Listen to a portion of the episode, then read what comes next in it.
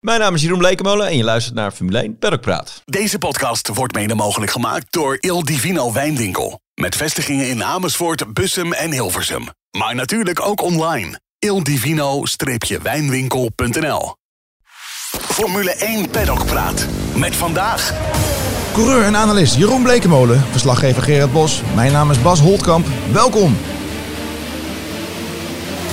Vanaf de redactie van Formule 1 Magazine, al 25 jaar het race magazine van Nederland, is dit Formule 1 Paddock Praat.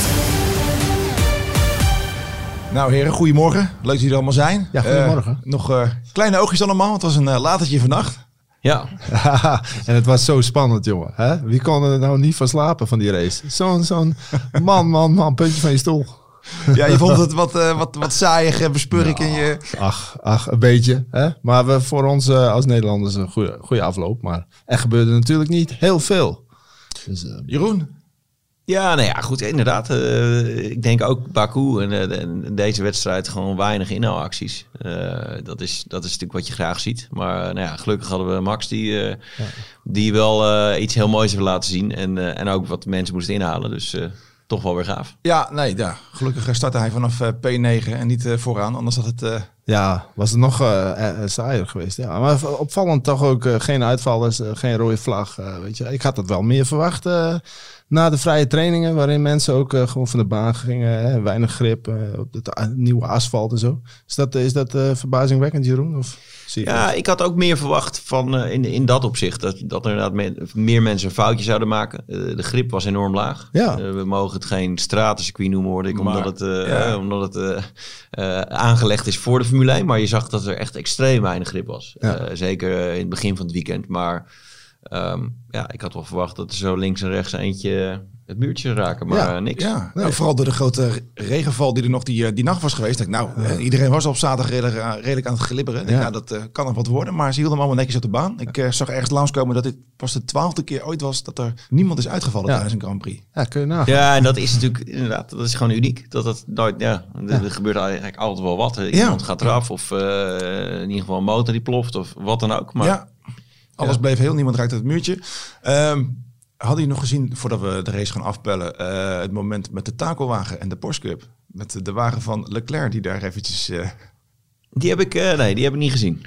Die, die Porsche Cup race, die was er begonnen. En uh, ineens reed daar die takelwagen over de baan. Er waren drie coureurs die me hadden ingehaald. En de rest die bleef er een beetje achter zich zeggen van, hè, wat is dit? Heel bizar oh, nee, moment, ja. ja oh, oh. Die hoort eigenlijk niet, nee. Nee. Nee. En wat vonden jullie van uh, het hele Amerikaanse showgebeuren voordat de race begon met LL Cool J en Will I Am en uh, met orkest erbij en uh, Hoop Bombari? Ja, nou ja, ik ben een fan van Amerika en van Amerikaanse sporten. En ik vind het altijd als groot ijshockeyliefhebber bijvoorbeeld daar fantastisch. Al die entertainment, hoe ze dat allemaal doen. Maar bij de Formule 1 dan past het toch niet, vind ik. Weet je wel, dan is het toch te, te too much, zeg maar. Ja, dan zit je toch een beetje te kijken van, nou moet dit nou? Maar goed.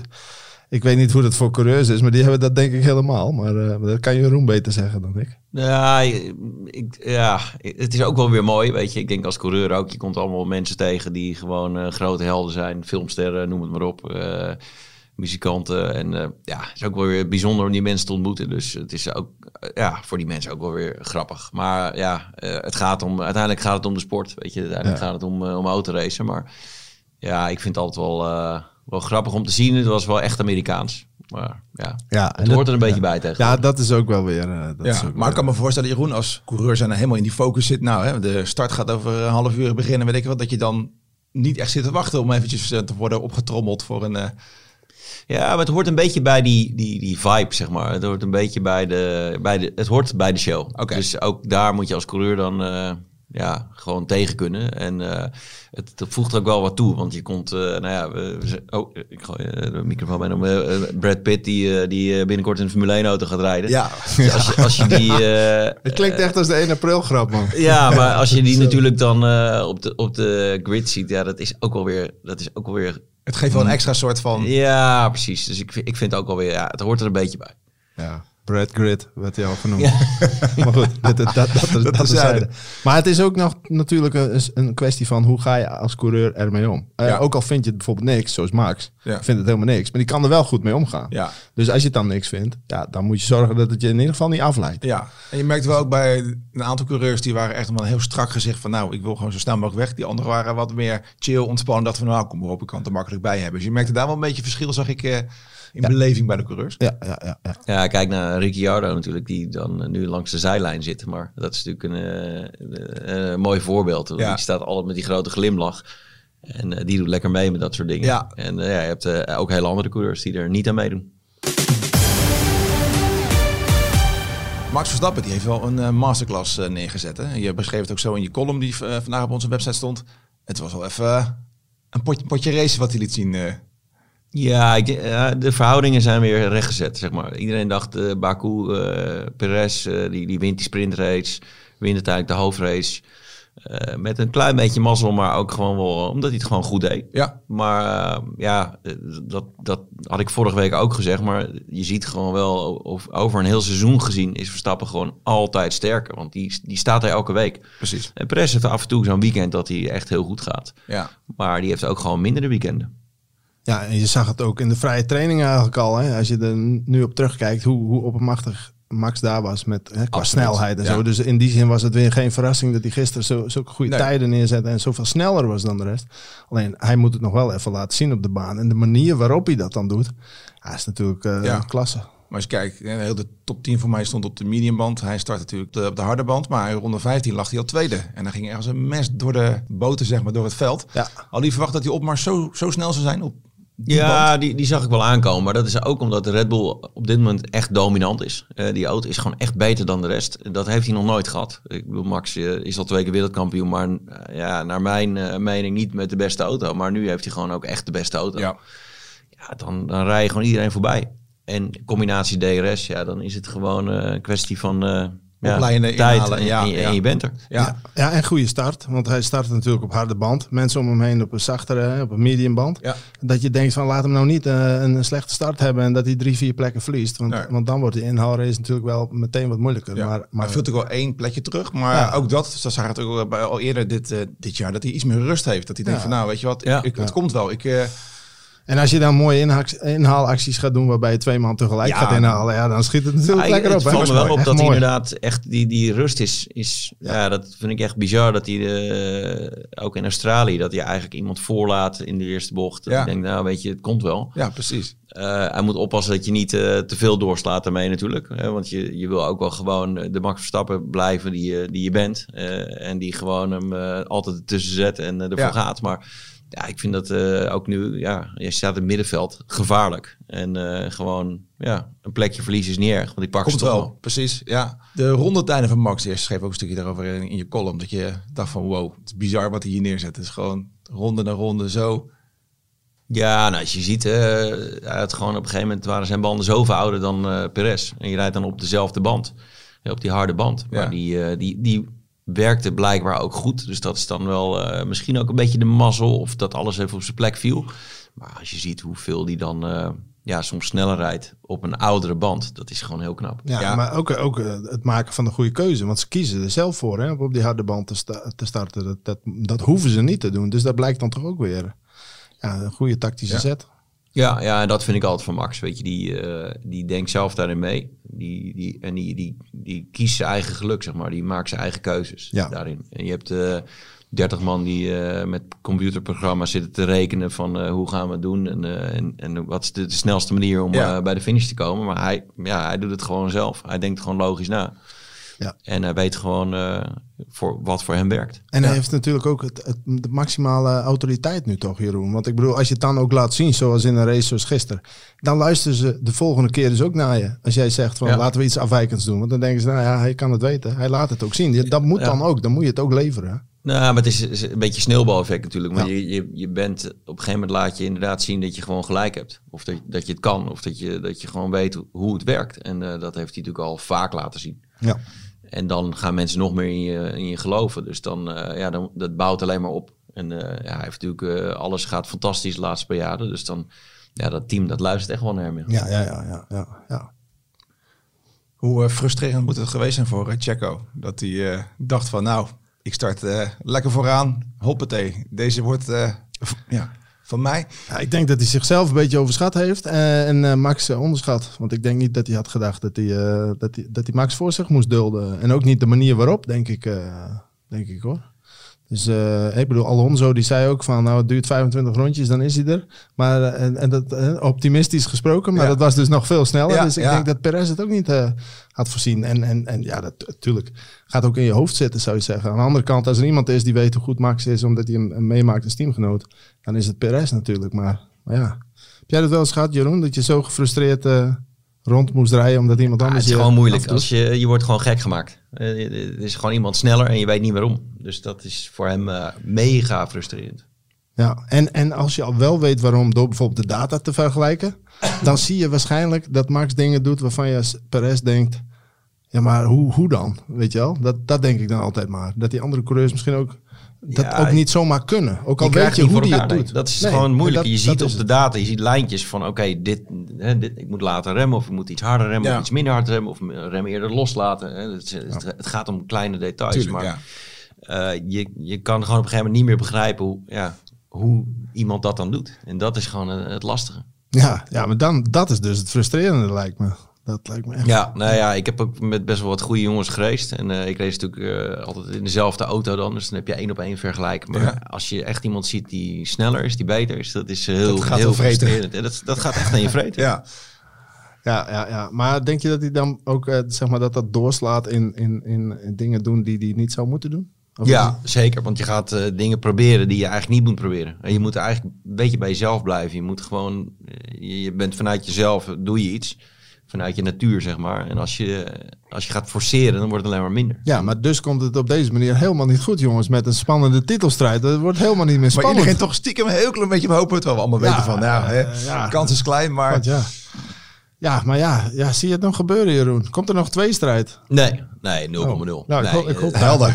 nou ja, tenzij natuurlijk eh, als Max twee keer uitvalt, weet je, Ja. dan, is, dan ziet het er anders uit. Maar ja, hij is gewoon zoveel beter. Ja. Eh, En, en zeker gemiddeld genomen, elke race staat hij er. En, en Perez gewoon af en toe niet. Ja, helder. Er was nog even een klein beetje spanning in de race op het eind eh, met de pitstop. Dat hij toch nog achter Perez viel, zeg maar. En nou, Perez maakte zich nog één keer breed. Twijfelde nog een beetje bij de, bij de volgende bocht, maar dacht nee, eh, laat hem gaan. Ja, Dus, nee, maar dat was natuurlijk eh kansloze missie. Dat had hij nooit meer volgehouden. Nee. Eh, Je, je weet gewoon Verstappen, nieuwe banden, ja. compoundjes zachter. Ook, Ook nog. dat, ja, Dus, dat, eh, eh, ja, eh, dat, eh, dat was echt, eh, ja, het heeft ook geen zin. Die, de- op zich, eh, veel mensen zeggen inderdaad, ja, hij had zich breed moeten maken, maar eh, wat dan? Weet je, Ja. het, het waren nog te veel rondjes en kansloos. Nee, Ja, maar kansloos. zag, je, zag je aan Max toch ook die dag van, nou ja, als het nu niet is, dan zometeen. Weet je wel? Ja, Dus, hij had ook geen haast, want je Nee. weet gewoon, hij gaat er toch wel voorbij. daarom, daarom. Komt sowieso goed. De Amerikanen houden ook wel van een potje racen en een beetje spanning. Ja, hoe zouden ze dat voor die Amer- hoe zullen zij dat daar eh, beleven? Nou, weet je, kijk, Amerikanen die houden natuurlijk wel van, van, van iconen? Van, van fenomenen, van winnaars. En ik bedoel, dat Max Verstappen van plek 9 als wereldkampioen naar plek 1, dat is wel echt zo'n feel-good Ja. scenario, zeg maar. Dat past er wel bij. Maar dan heb je het over één element van die hele race. De, zeg maar, de amusementswaarde in zijn totaliteit. Ik denk dat dat de Amerikanen wel wat tegen is gevallen, maar dat, dat hangt ook niet van deze ene race af. Zij Nee. kijken naar veel meer dingen natuurlijk. Ze vinden die show, die mensen en het, Alles dus eromheen. je merkt gewoon aan alles dat het, dat het in, in Amerika leeft. Weet je, het bruist en zo. Dat zie je toch ook aan, aan de publieke belangstelling en de mensen op de tribunes. Dus het is kleurrijk, het bruist. Het is, dus ik denk niet dat die race veel aan de populariteit afdoet. Alleen, ja, dit, dit, dit, eh, je moet niet te veel van dit soort wedstrijden. Want dan haken Amerikanen ook snel weer af, eh, over het algemeen hoor. Hadden ze die sprintrace niet beter hier kunnen doen in plaats van op Baku? Ja. Ja, eh, die Amerikanen vinden het natuurlijk mooi. Een extra race is altijd goed. En eh, die hebben allerlei formaten bedacht. Ook met de IndyCar, met NASCAR. Ja. Om het spannend te maken. En eh, ja, uiteindelijk twee, drie safety cars er doorheen. eh, eh, dan, dan is het heel anders. En dat is wat die Amerikanen ook misschien missen. Maar eh, ja, ze, ze waarderen ook de sport. Dat Ja, is, eh, en, ja, en, ja. en, een- iemand, een icoon, weet je, dat, dat is Ja. ook gewoon mooi om, Ja. om wel te zien. Ja, precies, precies. Een tweestrijd, eh, een beetje meer tweestrijd, dat zou, dat zou goed zijn waarschijnlijk. Maar eh, ja, goed. Dat, maar dat is voor iedereen beter, voor ons allemaal. Nee, absoluut. Dus Er was nog een eh, gerucht dat er binnenkort misschien nog wel een vierde Grand Prix in Amerika bij komt. Nou, jij race daar best wel veel natuurlijk, Jeroen. Heb jij een eh, suggestie? Van nou, als we die baan erbij eh, kunnen stoppen, zou het echt een hele Ja, mooie verrijking je- zijn. Amerika heeft echt een paar circuits. Dat is ongelooflijk. Ehm, eh, Road America, Road Atlanta. Dat zijn banen echt niet normaal. Ja, maar eigenlijk te gevaarlijk voor Formule 1. En daar moet wel echt wat gebeuren om dat veilig genoeg te maken. Maar ja, wij racen er ook. We gaan ook gewoon keihard. En het is, Ja. Het is echt heel bijzonder. Ze hebben er echt circuits liggen. Ja, ik, eh, ik, ik sta elke jaar als ik naar da- dat soort banen mag, dan, eh, dan sta ik echt te springen, zeg maar. gaaf. Maar Jeroen, dan eh, stel je voor, de FOM belt jou en zegt... luister Blekemolen, we luisteren altijd naar jou in die podcast. Jij zegt zinnige dingen. Vertel ons nou eens even welke, welke circuit moeten wij toevoegen in, in de Verenigde Staten aan de kalender. Jij mag er eentje kiezen. En dan kies jij voor... Ik zou Road America kiezen. Oh ja. Eh, maar het is, het is gewoon niet reëel. Eh, omdat het gewoon eh, dat circuit eh, en, en de meeste circuits ook in Amerika, net als Engeland eigenlijk, dat zijn allemaal circuits die ook 50 jaar stil hebben gestaan. Waardoor ze juist zo gaaf zijn. Ja, ja. Maar Ja. ook qua veiligheid. Lage vangrailtjes. eh, nou ja, als het fout gaat, gaat het ook serieus fout. Zou het überhaupt in verhouding zijn via de Amerikaanse race? Is dat, is dat, is dat eentje te veel dan? Nou, bijvoorbeeld? normaal zou je zeggen van niet, maar inmiddels met 23 wedstrijden, ja, Ja. dan zijn het er al zoveel. Ja, dan eh, die ene wedstrijd extra. ja. ja, het is een groot land natuurlijk. Hè? Dus ik bedoel, ja, dat Ja, kan best precies. aan de westkust of Je, zo. je mag natuurlijk Amerika wel zien als eh, in Europa rijden we ook eh, op allerlei verschillende Ja, plekken. Dus eh, ja, Westkust, Laguna, CK? Of is dat... zou ook mooi zijn. Ja, is ook natuurlijk een hele bijzondere. Maar ook daar, eh, eigenlijk kun je daar hetzelfde van zeggen. Ja. Die circuits die hebben allemaal eh, stilgestaan in de tijd. Ja. Ehm, eh, Laguna Seca, die corkscrew, als je daar Ja. je verremt of er gebeurt wat. Eh, ja, de, de, helaas eh, Rodriguez was het geloof ik, die, die zich daar die, die, verongelukte. Dus het, het, het is gewoon wel eh, Ja. een ander niveautje qua veiligheid. ja. Ja. Maar goed, dat zijn dingen die je kunt aanpassen. Die, ja, maar niet makkelijk. Dan, dat, dat gaat een hoop eh, kosten en eh, tijd en geld. Dus eh, ja, lastig. Maak even een sprongje naar het middenveld. Ja, Alonso, weder een podium. Ehm, hij gaf ook aan na afloop van de race, ja, eh, hartstikke leuk. Maar op een gegeven moment eh, wil, je, wil je wel meer dan die derde plek. Ja, mooi is dat. Hè? Ja. Hoe snel dat kan gaan. Ja. Ja. Vier, vier keer podium en eh, zo van, nou, dat weten we nu wel. Ja, Dus eh, ja, maar ja, jij, jij, jij zegt middenveld, en snap ik. Maar ik bedoel, in principe mag je Alonso echt wel een vaste, ja nee, vaste, vaste uitdager eh, noemen inmiddels hoor, van de, van de top drie. Ja, want ook als je naar zijn tijden keek tijdens de wedstrijd. Op een Die gegeven moment gingen ze de behoorlijk 31 close. Ja. 30 in. Ja. En hij reed dat gewoon continu. En Ja. dan was hij echt met afstand beter dan de rest. Ja. Eh, dan zijn teamgenoot, maar ook gewoon de mensen daarachter. Je, je hebt nu wel een beetje een eilandje. Natuurlijk Verstappen die echt wel duidelijk sneller was. En dan eigenlijk zat hij er gewoon eh, tussenin. Ja, hij doet volop mee om eh, best of the rest, Ja. zeg maar. Ja. Dus eh, het is geen incident of, of, of, of bepaalde circuits wel en andere dan weer helemaal nergens Nee, zijn. absoluut. Nee, dat eh, kan geen toeval zijn. En hij levert elke week. Eh, dat, dat zie je ook. Ja. Hij maakt weinig fouten. eh, hij staat er gewoon elke ronde. Ja. Wat vond je van zijn opmerking over de boordradio? Dat hij even meekijkt op het scherm. eh, hey, mooie inhaalmove van Stroll in bocht 1. Ja, maar dat zijn legendarisch altijd, jongen, die boordradio's. En hij had het toch in de vrije training ook. Heb jij dat mee? Gaf jij toen niet de commentaar toevallig ook? Dat zou kunnen. Maar toen eh, was er een Alpine die reed hem in de weg. En toen zei hij van, ja, maar jongens, het maakt niet uit. Dit is een vrije training, weet je wel. Dan hebben zij ook even, dit is hun moment om te shinen. Zo van, dat doe, in de wedstrijd zijn ze nergens en dat doen, dan zijn wij er wel weer. Even zijn oude team, even een sneertje. Ja. Nou ja, je ziet wel, eh, hij, hij ziet inderdaad, hij kijkt dus ook naar zo'n scherm. Ja. Ja. En eh, dat, dat zijn er weinig die dat eh, zeg maar tijdens het rijden doen. En dat, eh, ja, dat is uniek. Dat je, dat Je je hebt toch ruimte over in je hoofd om te denken dat, van... je nou, die, dat ja. je die ruimte hebt om gewoon om je heen te kijken. Wat gebeurt er? Eh, ja, Ja. dat is ja, bizar. Ja. Wat vonden jullie van het optreden van Mercedes? In de trainingen, kwalificatie, moi, maar uiteindelijk in de race toch wel weer kostbare punten gepakt. Ja, ik, eh, ik, ik, ik vind het een interessante tweestrijd eh, daarover gesproken. Zeg maar, als die er niet eens om een kampioenschap ga je bijvoorbeeld intern bij teams kijken. Ja. En Hamilton Russell is toch wel een intrigerend gevecht hoor, dit seizoen. eh. en dat gaat nog even zo door. En dat zie je nu ook weer. Dan moet Hamilton aan de kant eigenlijk. Ja, dat, het zijn geen boordradio's die hij vaak heeft gekregen, denk ik. Zo nee, dat zal algemeen. hem toch ook wel een soort van knauw geven van shit. Ja, ja, ja. En hij zei ook van, ik wil niet echt... eh, hij kreeg de indruk dat hij niet echt eh, met, alle plezier aan de kant wilde. Maar volgens deed hij het toch vrij ruimhartig, vond ik. Dat Ja. vond ik dan wel weer opvallend. Ja, Maar goed, eh, die boordrijders van Hamilton zijn wel vaker wat, wat weerbarstiger ten opzichte van de praktijk. Hè, zijn banden zijn immers ook altijd hartstikke slecht. En dan valt het altijd wel weer wat mee. Dus, dus, uh, maar ik denk dat het wel, uh, wel bijzonder is, dit soort momenten voor Hamilton. Die overigens wel gewoon vanaf plek 13 toch een goede wedstrijd en een goed resultaat neerzet. Dus ik kan nooit echt hoogte krijgen van die Mercedes. Stelkens als je denkt, ze komen er weer bij, ja. dan, dan gaat het toch weer minder. Zoals bijvoorbeeld in Baku. Dus ja. ik weet niet wat jij daarvan vindt, Jeroen. Maar... Ja, is, ze hebben het gewoon moeilijk. En uh, dat, dat laatste stapje is het moeilijkste om, om dat te vinden in die auto.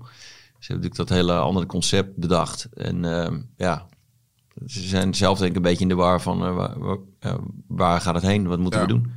Maar het, is, het, is, het blijft gewoon lastig. Maar het is een mooie strijd. Ik vind het ook mooi om te zien Russell, dat, wat gewoon echt een mega talent is. maar Hamilton, wat natuurlijk gewoon de legende is, die, die zo van de koers op zijn naam heeft staan. Dus het is mooi om, om dat tegen elkaar te zien. Ja, ja vind ik ook hoor. Ferrari, wat vonden we daarvan? Ja, dat is eigenlijk het, het, het uh, zeg maar een beetje van hetzelfde en toch ook niet. Want daar verwacht je juist dat, dat, dat ze ook weer wat stapjes maken. Maar daar zijn dus coureurs die het, die het niet laten zien in mijn beleving. Ik bedoel, Leclerc die maakt veel te veel fouten. Valt ja. op bij dit jaar. Ja, dat is echt niet... Ja, maar eigenlijk altijd al. Hè. Ja, daarom. Uh, het is, uh, ik bedoel, in de, uh, ook toen niet tegen Verstappen, toen we eigenlijk dachten van nou, het wordt Verstappen, Leclerc, wie gaat het worden? ik denk aan een Paul Ricard, dat hij ook gewoon op kop rijdt en, en eraf gaat. Of, ja, goeie, hij, ja. hij maakt gewoon veel fouten. Baku een paar jaar geleden gewoon een hele weekend dominant en parkeert hem daar ook tegen het paleis ja, aan, ja. of de, tegen die toren aan, zeg maar. Dus hij, hij maakt echt veel van dat soort fouten.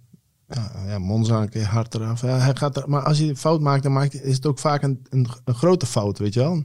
Dat ook meteen einde wedstrijd, einde training, einde kwalificatie, dat soort dingen. Ja. Monaco ook eens een keer. Dus ja. Het is altijd meteen extreem bij, bij Leclerc. Ja, dat is ook wel de, de kunst van Verstappen. Weet je, die, die maakt dus die fouten niet. Nee. Die zit wel echt vol op de limiet, maar ja. ja die, die, maakt die fouten gewoon niet. En, uh, en bij Leclerc lijkt het wel alsof je altijd op stenen loopt, zeg maar. Ja, goeie. En dan gewoon net eroverheen gaat. En dan, ja, dan gaat het fout. Ja. Maar toen, toen Vettel bij Ferrari uh, reed en Leclerc er net kwam, toen ging het met Leclerc prima bij Ferrari. Weet je wel? Het is net alsof hij die druk van zeg maar de, de, de kopman, grote kopman ja. van Ferrari, alsof hij die druk, alsof hem dat te veel wordt. Dat, dat, dat, wat je wel eens vaker ziet, wat je eigenlijk ook bij Vettel uh, wel hebt gezien. Hè? Die kon het ook niet waarmaken, zeg maar, de hoge verwachtingen. En die had notabene nog meer ervaring. Dus misschien is de druk gewoon te groot voor Leclerc, Jeroen. Ja, zou kunnen. Ja, het is, het is gewoon altijd lastig inderdaad als je in die, die, die favoriete rol komt. Dat je de teamleider moet zijn. Ja, um, ja hij is er zeker niet minder fouten door gaan maken. Nee, nee. Dus uh, dat is inderdaad waar. En vorig jaar hadden ze natuurlijk in principe een hele goede auto. Misschien op een gegeven moment wel de beste. Van ja. De, uh, oh, begin seizoen ja. hadden zij de beste auto. Ja. En uh, dat is eigenlijk nog wat, wat het nog knapper maakt van Verstappen. Dat hij dus dat om weet te draaien en met zo'n voorsprong kan ja. winnen. Ja.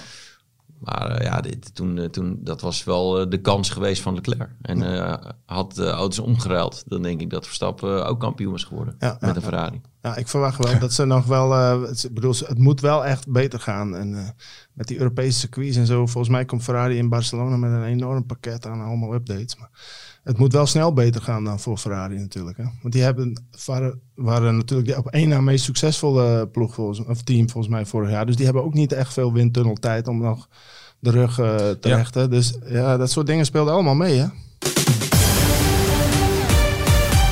Dan we nog even hebben over uh, Nick de Vries.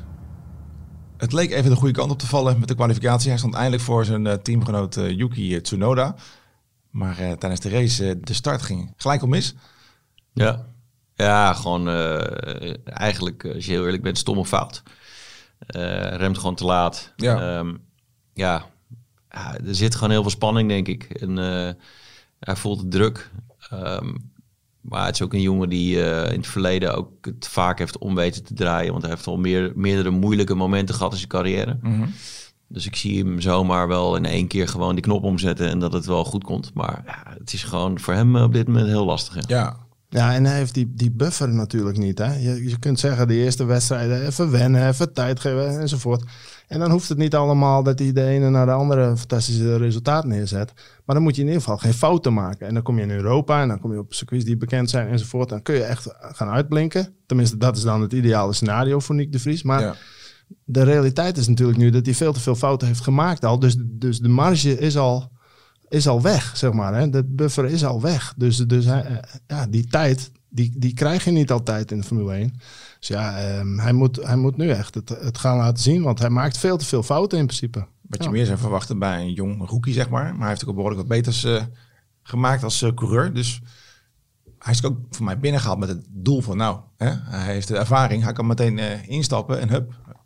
Ja, al vind ik dat nog steeds, eh, dat vond ik toen al, vind ik nog steeds. Dat, dat, dat, we- dat, hebben we ook net gedaan alsof, we, alsof, we, eh, alsof, het, eh, alsof we het maar even ging doen of zo. Dat vind ik dan ook een disqualificatie van Tsunoda. Die nu ook laat zien waarom die veel beter is dan mensen altijd dachten. Ja. Dus, ehm, eh, maar dat laat onverlet dat, dat, dat de Vries gewoon fouten maakt die niet nodig zijn. Hè? Die ook niet onder druk of zo, zoals vorige week in Baku eh, tegen de binnenkant van de bocht. Dat, dat is nergens voor nodig, weet je wel. Nee. Het nu bij de start is niet nodig. Dus ehm, dat, dat zijn dingen, ja, dat, dat, dat, dat kan alleen maar tegen je gaan werken straks natuurlijk. Want die dingen kun je niet, niet te vaak doen. Nee, zeker. Maar het positieve is wel dat je ziet nu wel de, de- af en toe de vlagen komen dat, het, eh, dat Ja. hij er nu voor staat in de kwalificatie. Ja. In Baku, waar hij echt lekker bezig was. Ja. Ja, pakt dan het binnenkantje mee. Ja, echt niet handig, nee. Maar je ziet wel, het zit er wel in. Dus zit er wel in, ja. Het kan er ook echt wel uitkomen. Alleen ja, het is natuurlijk wel een, eh, een tikkende tijdbom, zeg maar. Want op een gegeven moment eh, zijn je kansen op. Maar ja. ik, ik zie hem met hem nog steeds wel omdraaien. Ik heb nog wel het idee dat hij dat gaat, eh, naar zich toe gaat trekken. Omdat hij gewoon, hij is echt wel een heel eager persoon die gewoon, die wil gewoon presteren. En eh, Maar misschien ook wel te veel, Jeroen. Want ik ken hem ook goed. Dat is hij eist zoveel van zichzelf. Ja. En dan leg je, en dan heb je al die druk al. En dan Ja. leg je jezelf ook nog veel te veel druk op misschien wel. En dan ga je dus dit soort dingen doen. Want Jeroen heeft gelijk met die kwalificatie eh, van afgelopen weekend. Hè. De- de Q2, hartstikke goed. Een keer sneller dan Tsunoda. Maar dat moet ook eens een keer tijd worden. Maar vorige week in, in, in Baku ging het op, op zaterdag ook best goed. Maar dat over, wordt allemaal overschaduwd door dit soort dingetjes. En dat is dus zonde voor, voor hemzelf. Ja. Ja, ah, ik, ik nog steeds denk dat hij dat wel om gaat draaien. Het is gewoon iemand die, eh, die ook gewoon teleurstelling al heeft gehad in zijn carrière. Stappen heeft gemaakt. Dus Klopt. Maar Jeroen, je weet ook, dan, dan heeft hij teleurstellingen. Dan kan hij dat omdraaien. Maar waarom? Omdat hij daar de tijd voor heeft. En krijg je die tijd? zo ja, dat is meteen dan. moeilijk Formule 1. Maar hij, hij moet gewoon, eh, denk ik, wat relaxter eh, Ja. in zijn vel zitten. Dat, dat vind ik altijd eigenlijk het beste voorbeeld. Hij, hij stapte in Le Mans auto's, in LMP2. Ongelooflijk hoe snel die was. En dat was gewoon, hij liep daar gewoon rond van, ja, weet je, ik kom gewoon lekker racen. En hij liep daar niet rond van, ik moet eh, Ja, dit of dat. En heel relaxed in zijn vel. Ja. En als hij zo in een Formule 1 auto gaat zitten, zoals vorig jaar Monza, dan... eh, Ook van, ging ineens, ja, Ja, ja. Maar ook daar staat geen druk op. Want dat kwam zomaar, weet je wel. En, en, en niks te verliezen. En Ja. ja. ja, zonder verwachtingen. precies. Niet eens, niet eens tijd gehad om druk op te bouwen misschien. Het was gewoon, nou, hup, ga maar. Ja. Nee, klopt. Nee, is, is waar. Gaan we even een eh, weekje rusten en dan gaan we naar eh, races hier in Europa. Eh, Imola, Barcelona, Monaco. Hoe kijken jullie daar naar uit? Het drieluik. Nou, ik ben vooral benieuwd wat, eh, wat, wat het met de verhoudingen gaat doen van de teams ook. Want, want je komt nu natuurlijk in, dat, in, dat, in die fase in het seizoen hè, eh, dat, dat de verhoudingen aardig duidelijk lijken. Alleen, je krijgt de Europese circuits, veel updates, als het goed is, bij Ja. menig team. Welke kant gaan ze op? Wie heeft updates die werken, wie niet? Eh, heb je een update die werkt? Hartstikke mooi. Maar als de rest veel betere updates hebt, dan kom je uiteindelijk nog niet een stap verder, letterlijk en figuurlijk. Dus, dus die verhoudingen, of die ook gaan veranderen of niet de komende weken in Europa, omdat het ook permanente circuits zijn. Ik ben heel erg benieuwd hoe dat, eh, hoe dat eventueel het veld eh, gaat, eh, gaat beïnvloeden. Ja, daar ben ik het mee eens. Ja, we mogen het nog steeds geen stratenrace noemen, maar Miami en we hebben Baku gehad. We allemaal Ja. stratencircuits, wat Ja. gewoon heel anders is dan een normaal circuit. We komen nu inderdaad op die traditionele banen. Ja. Ehm, en dan, ik, ik denk, verwacht niet dat de verhoudingen heel anders zullen liggen, maar eh, je zal eh, wel in één keer toch zien dat eh, ja, in één keer mensen wat verder naar voren staan dan dat je ze zou verwachten. Ja.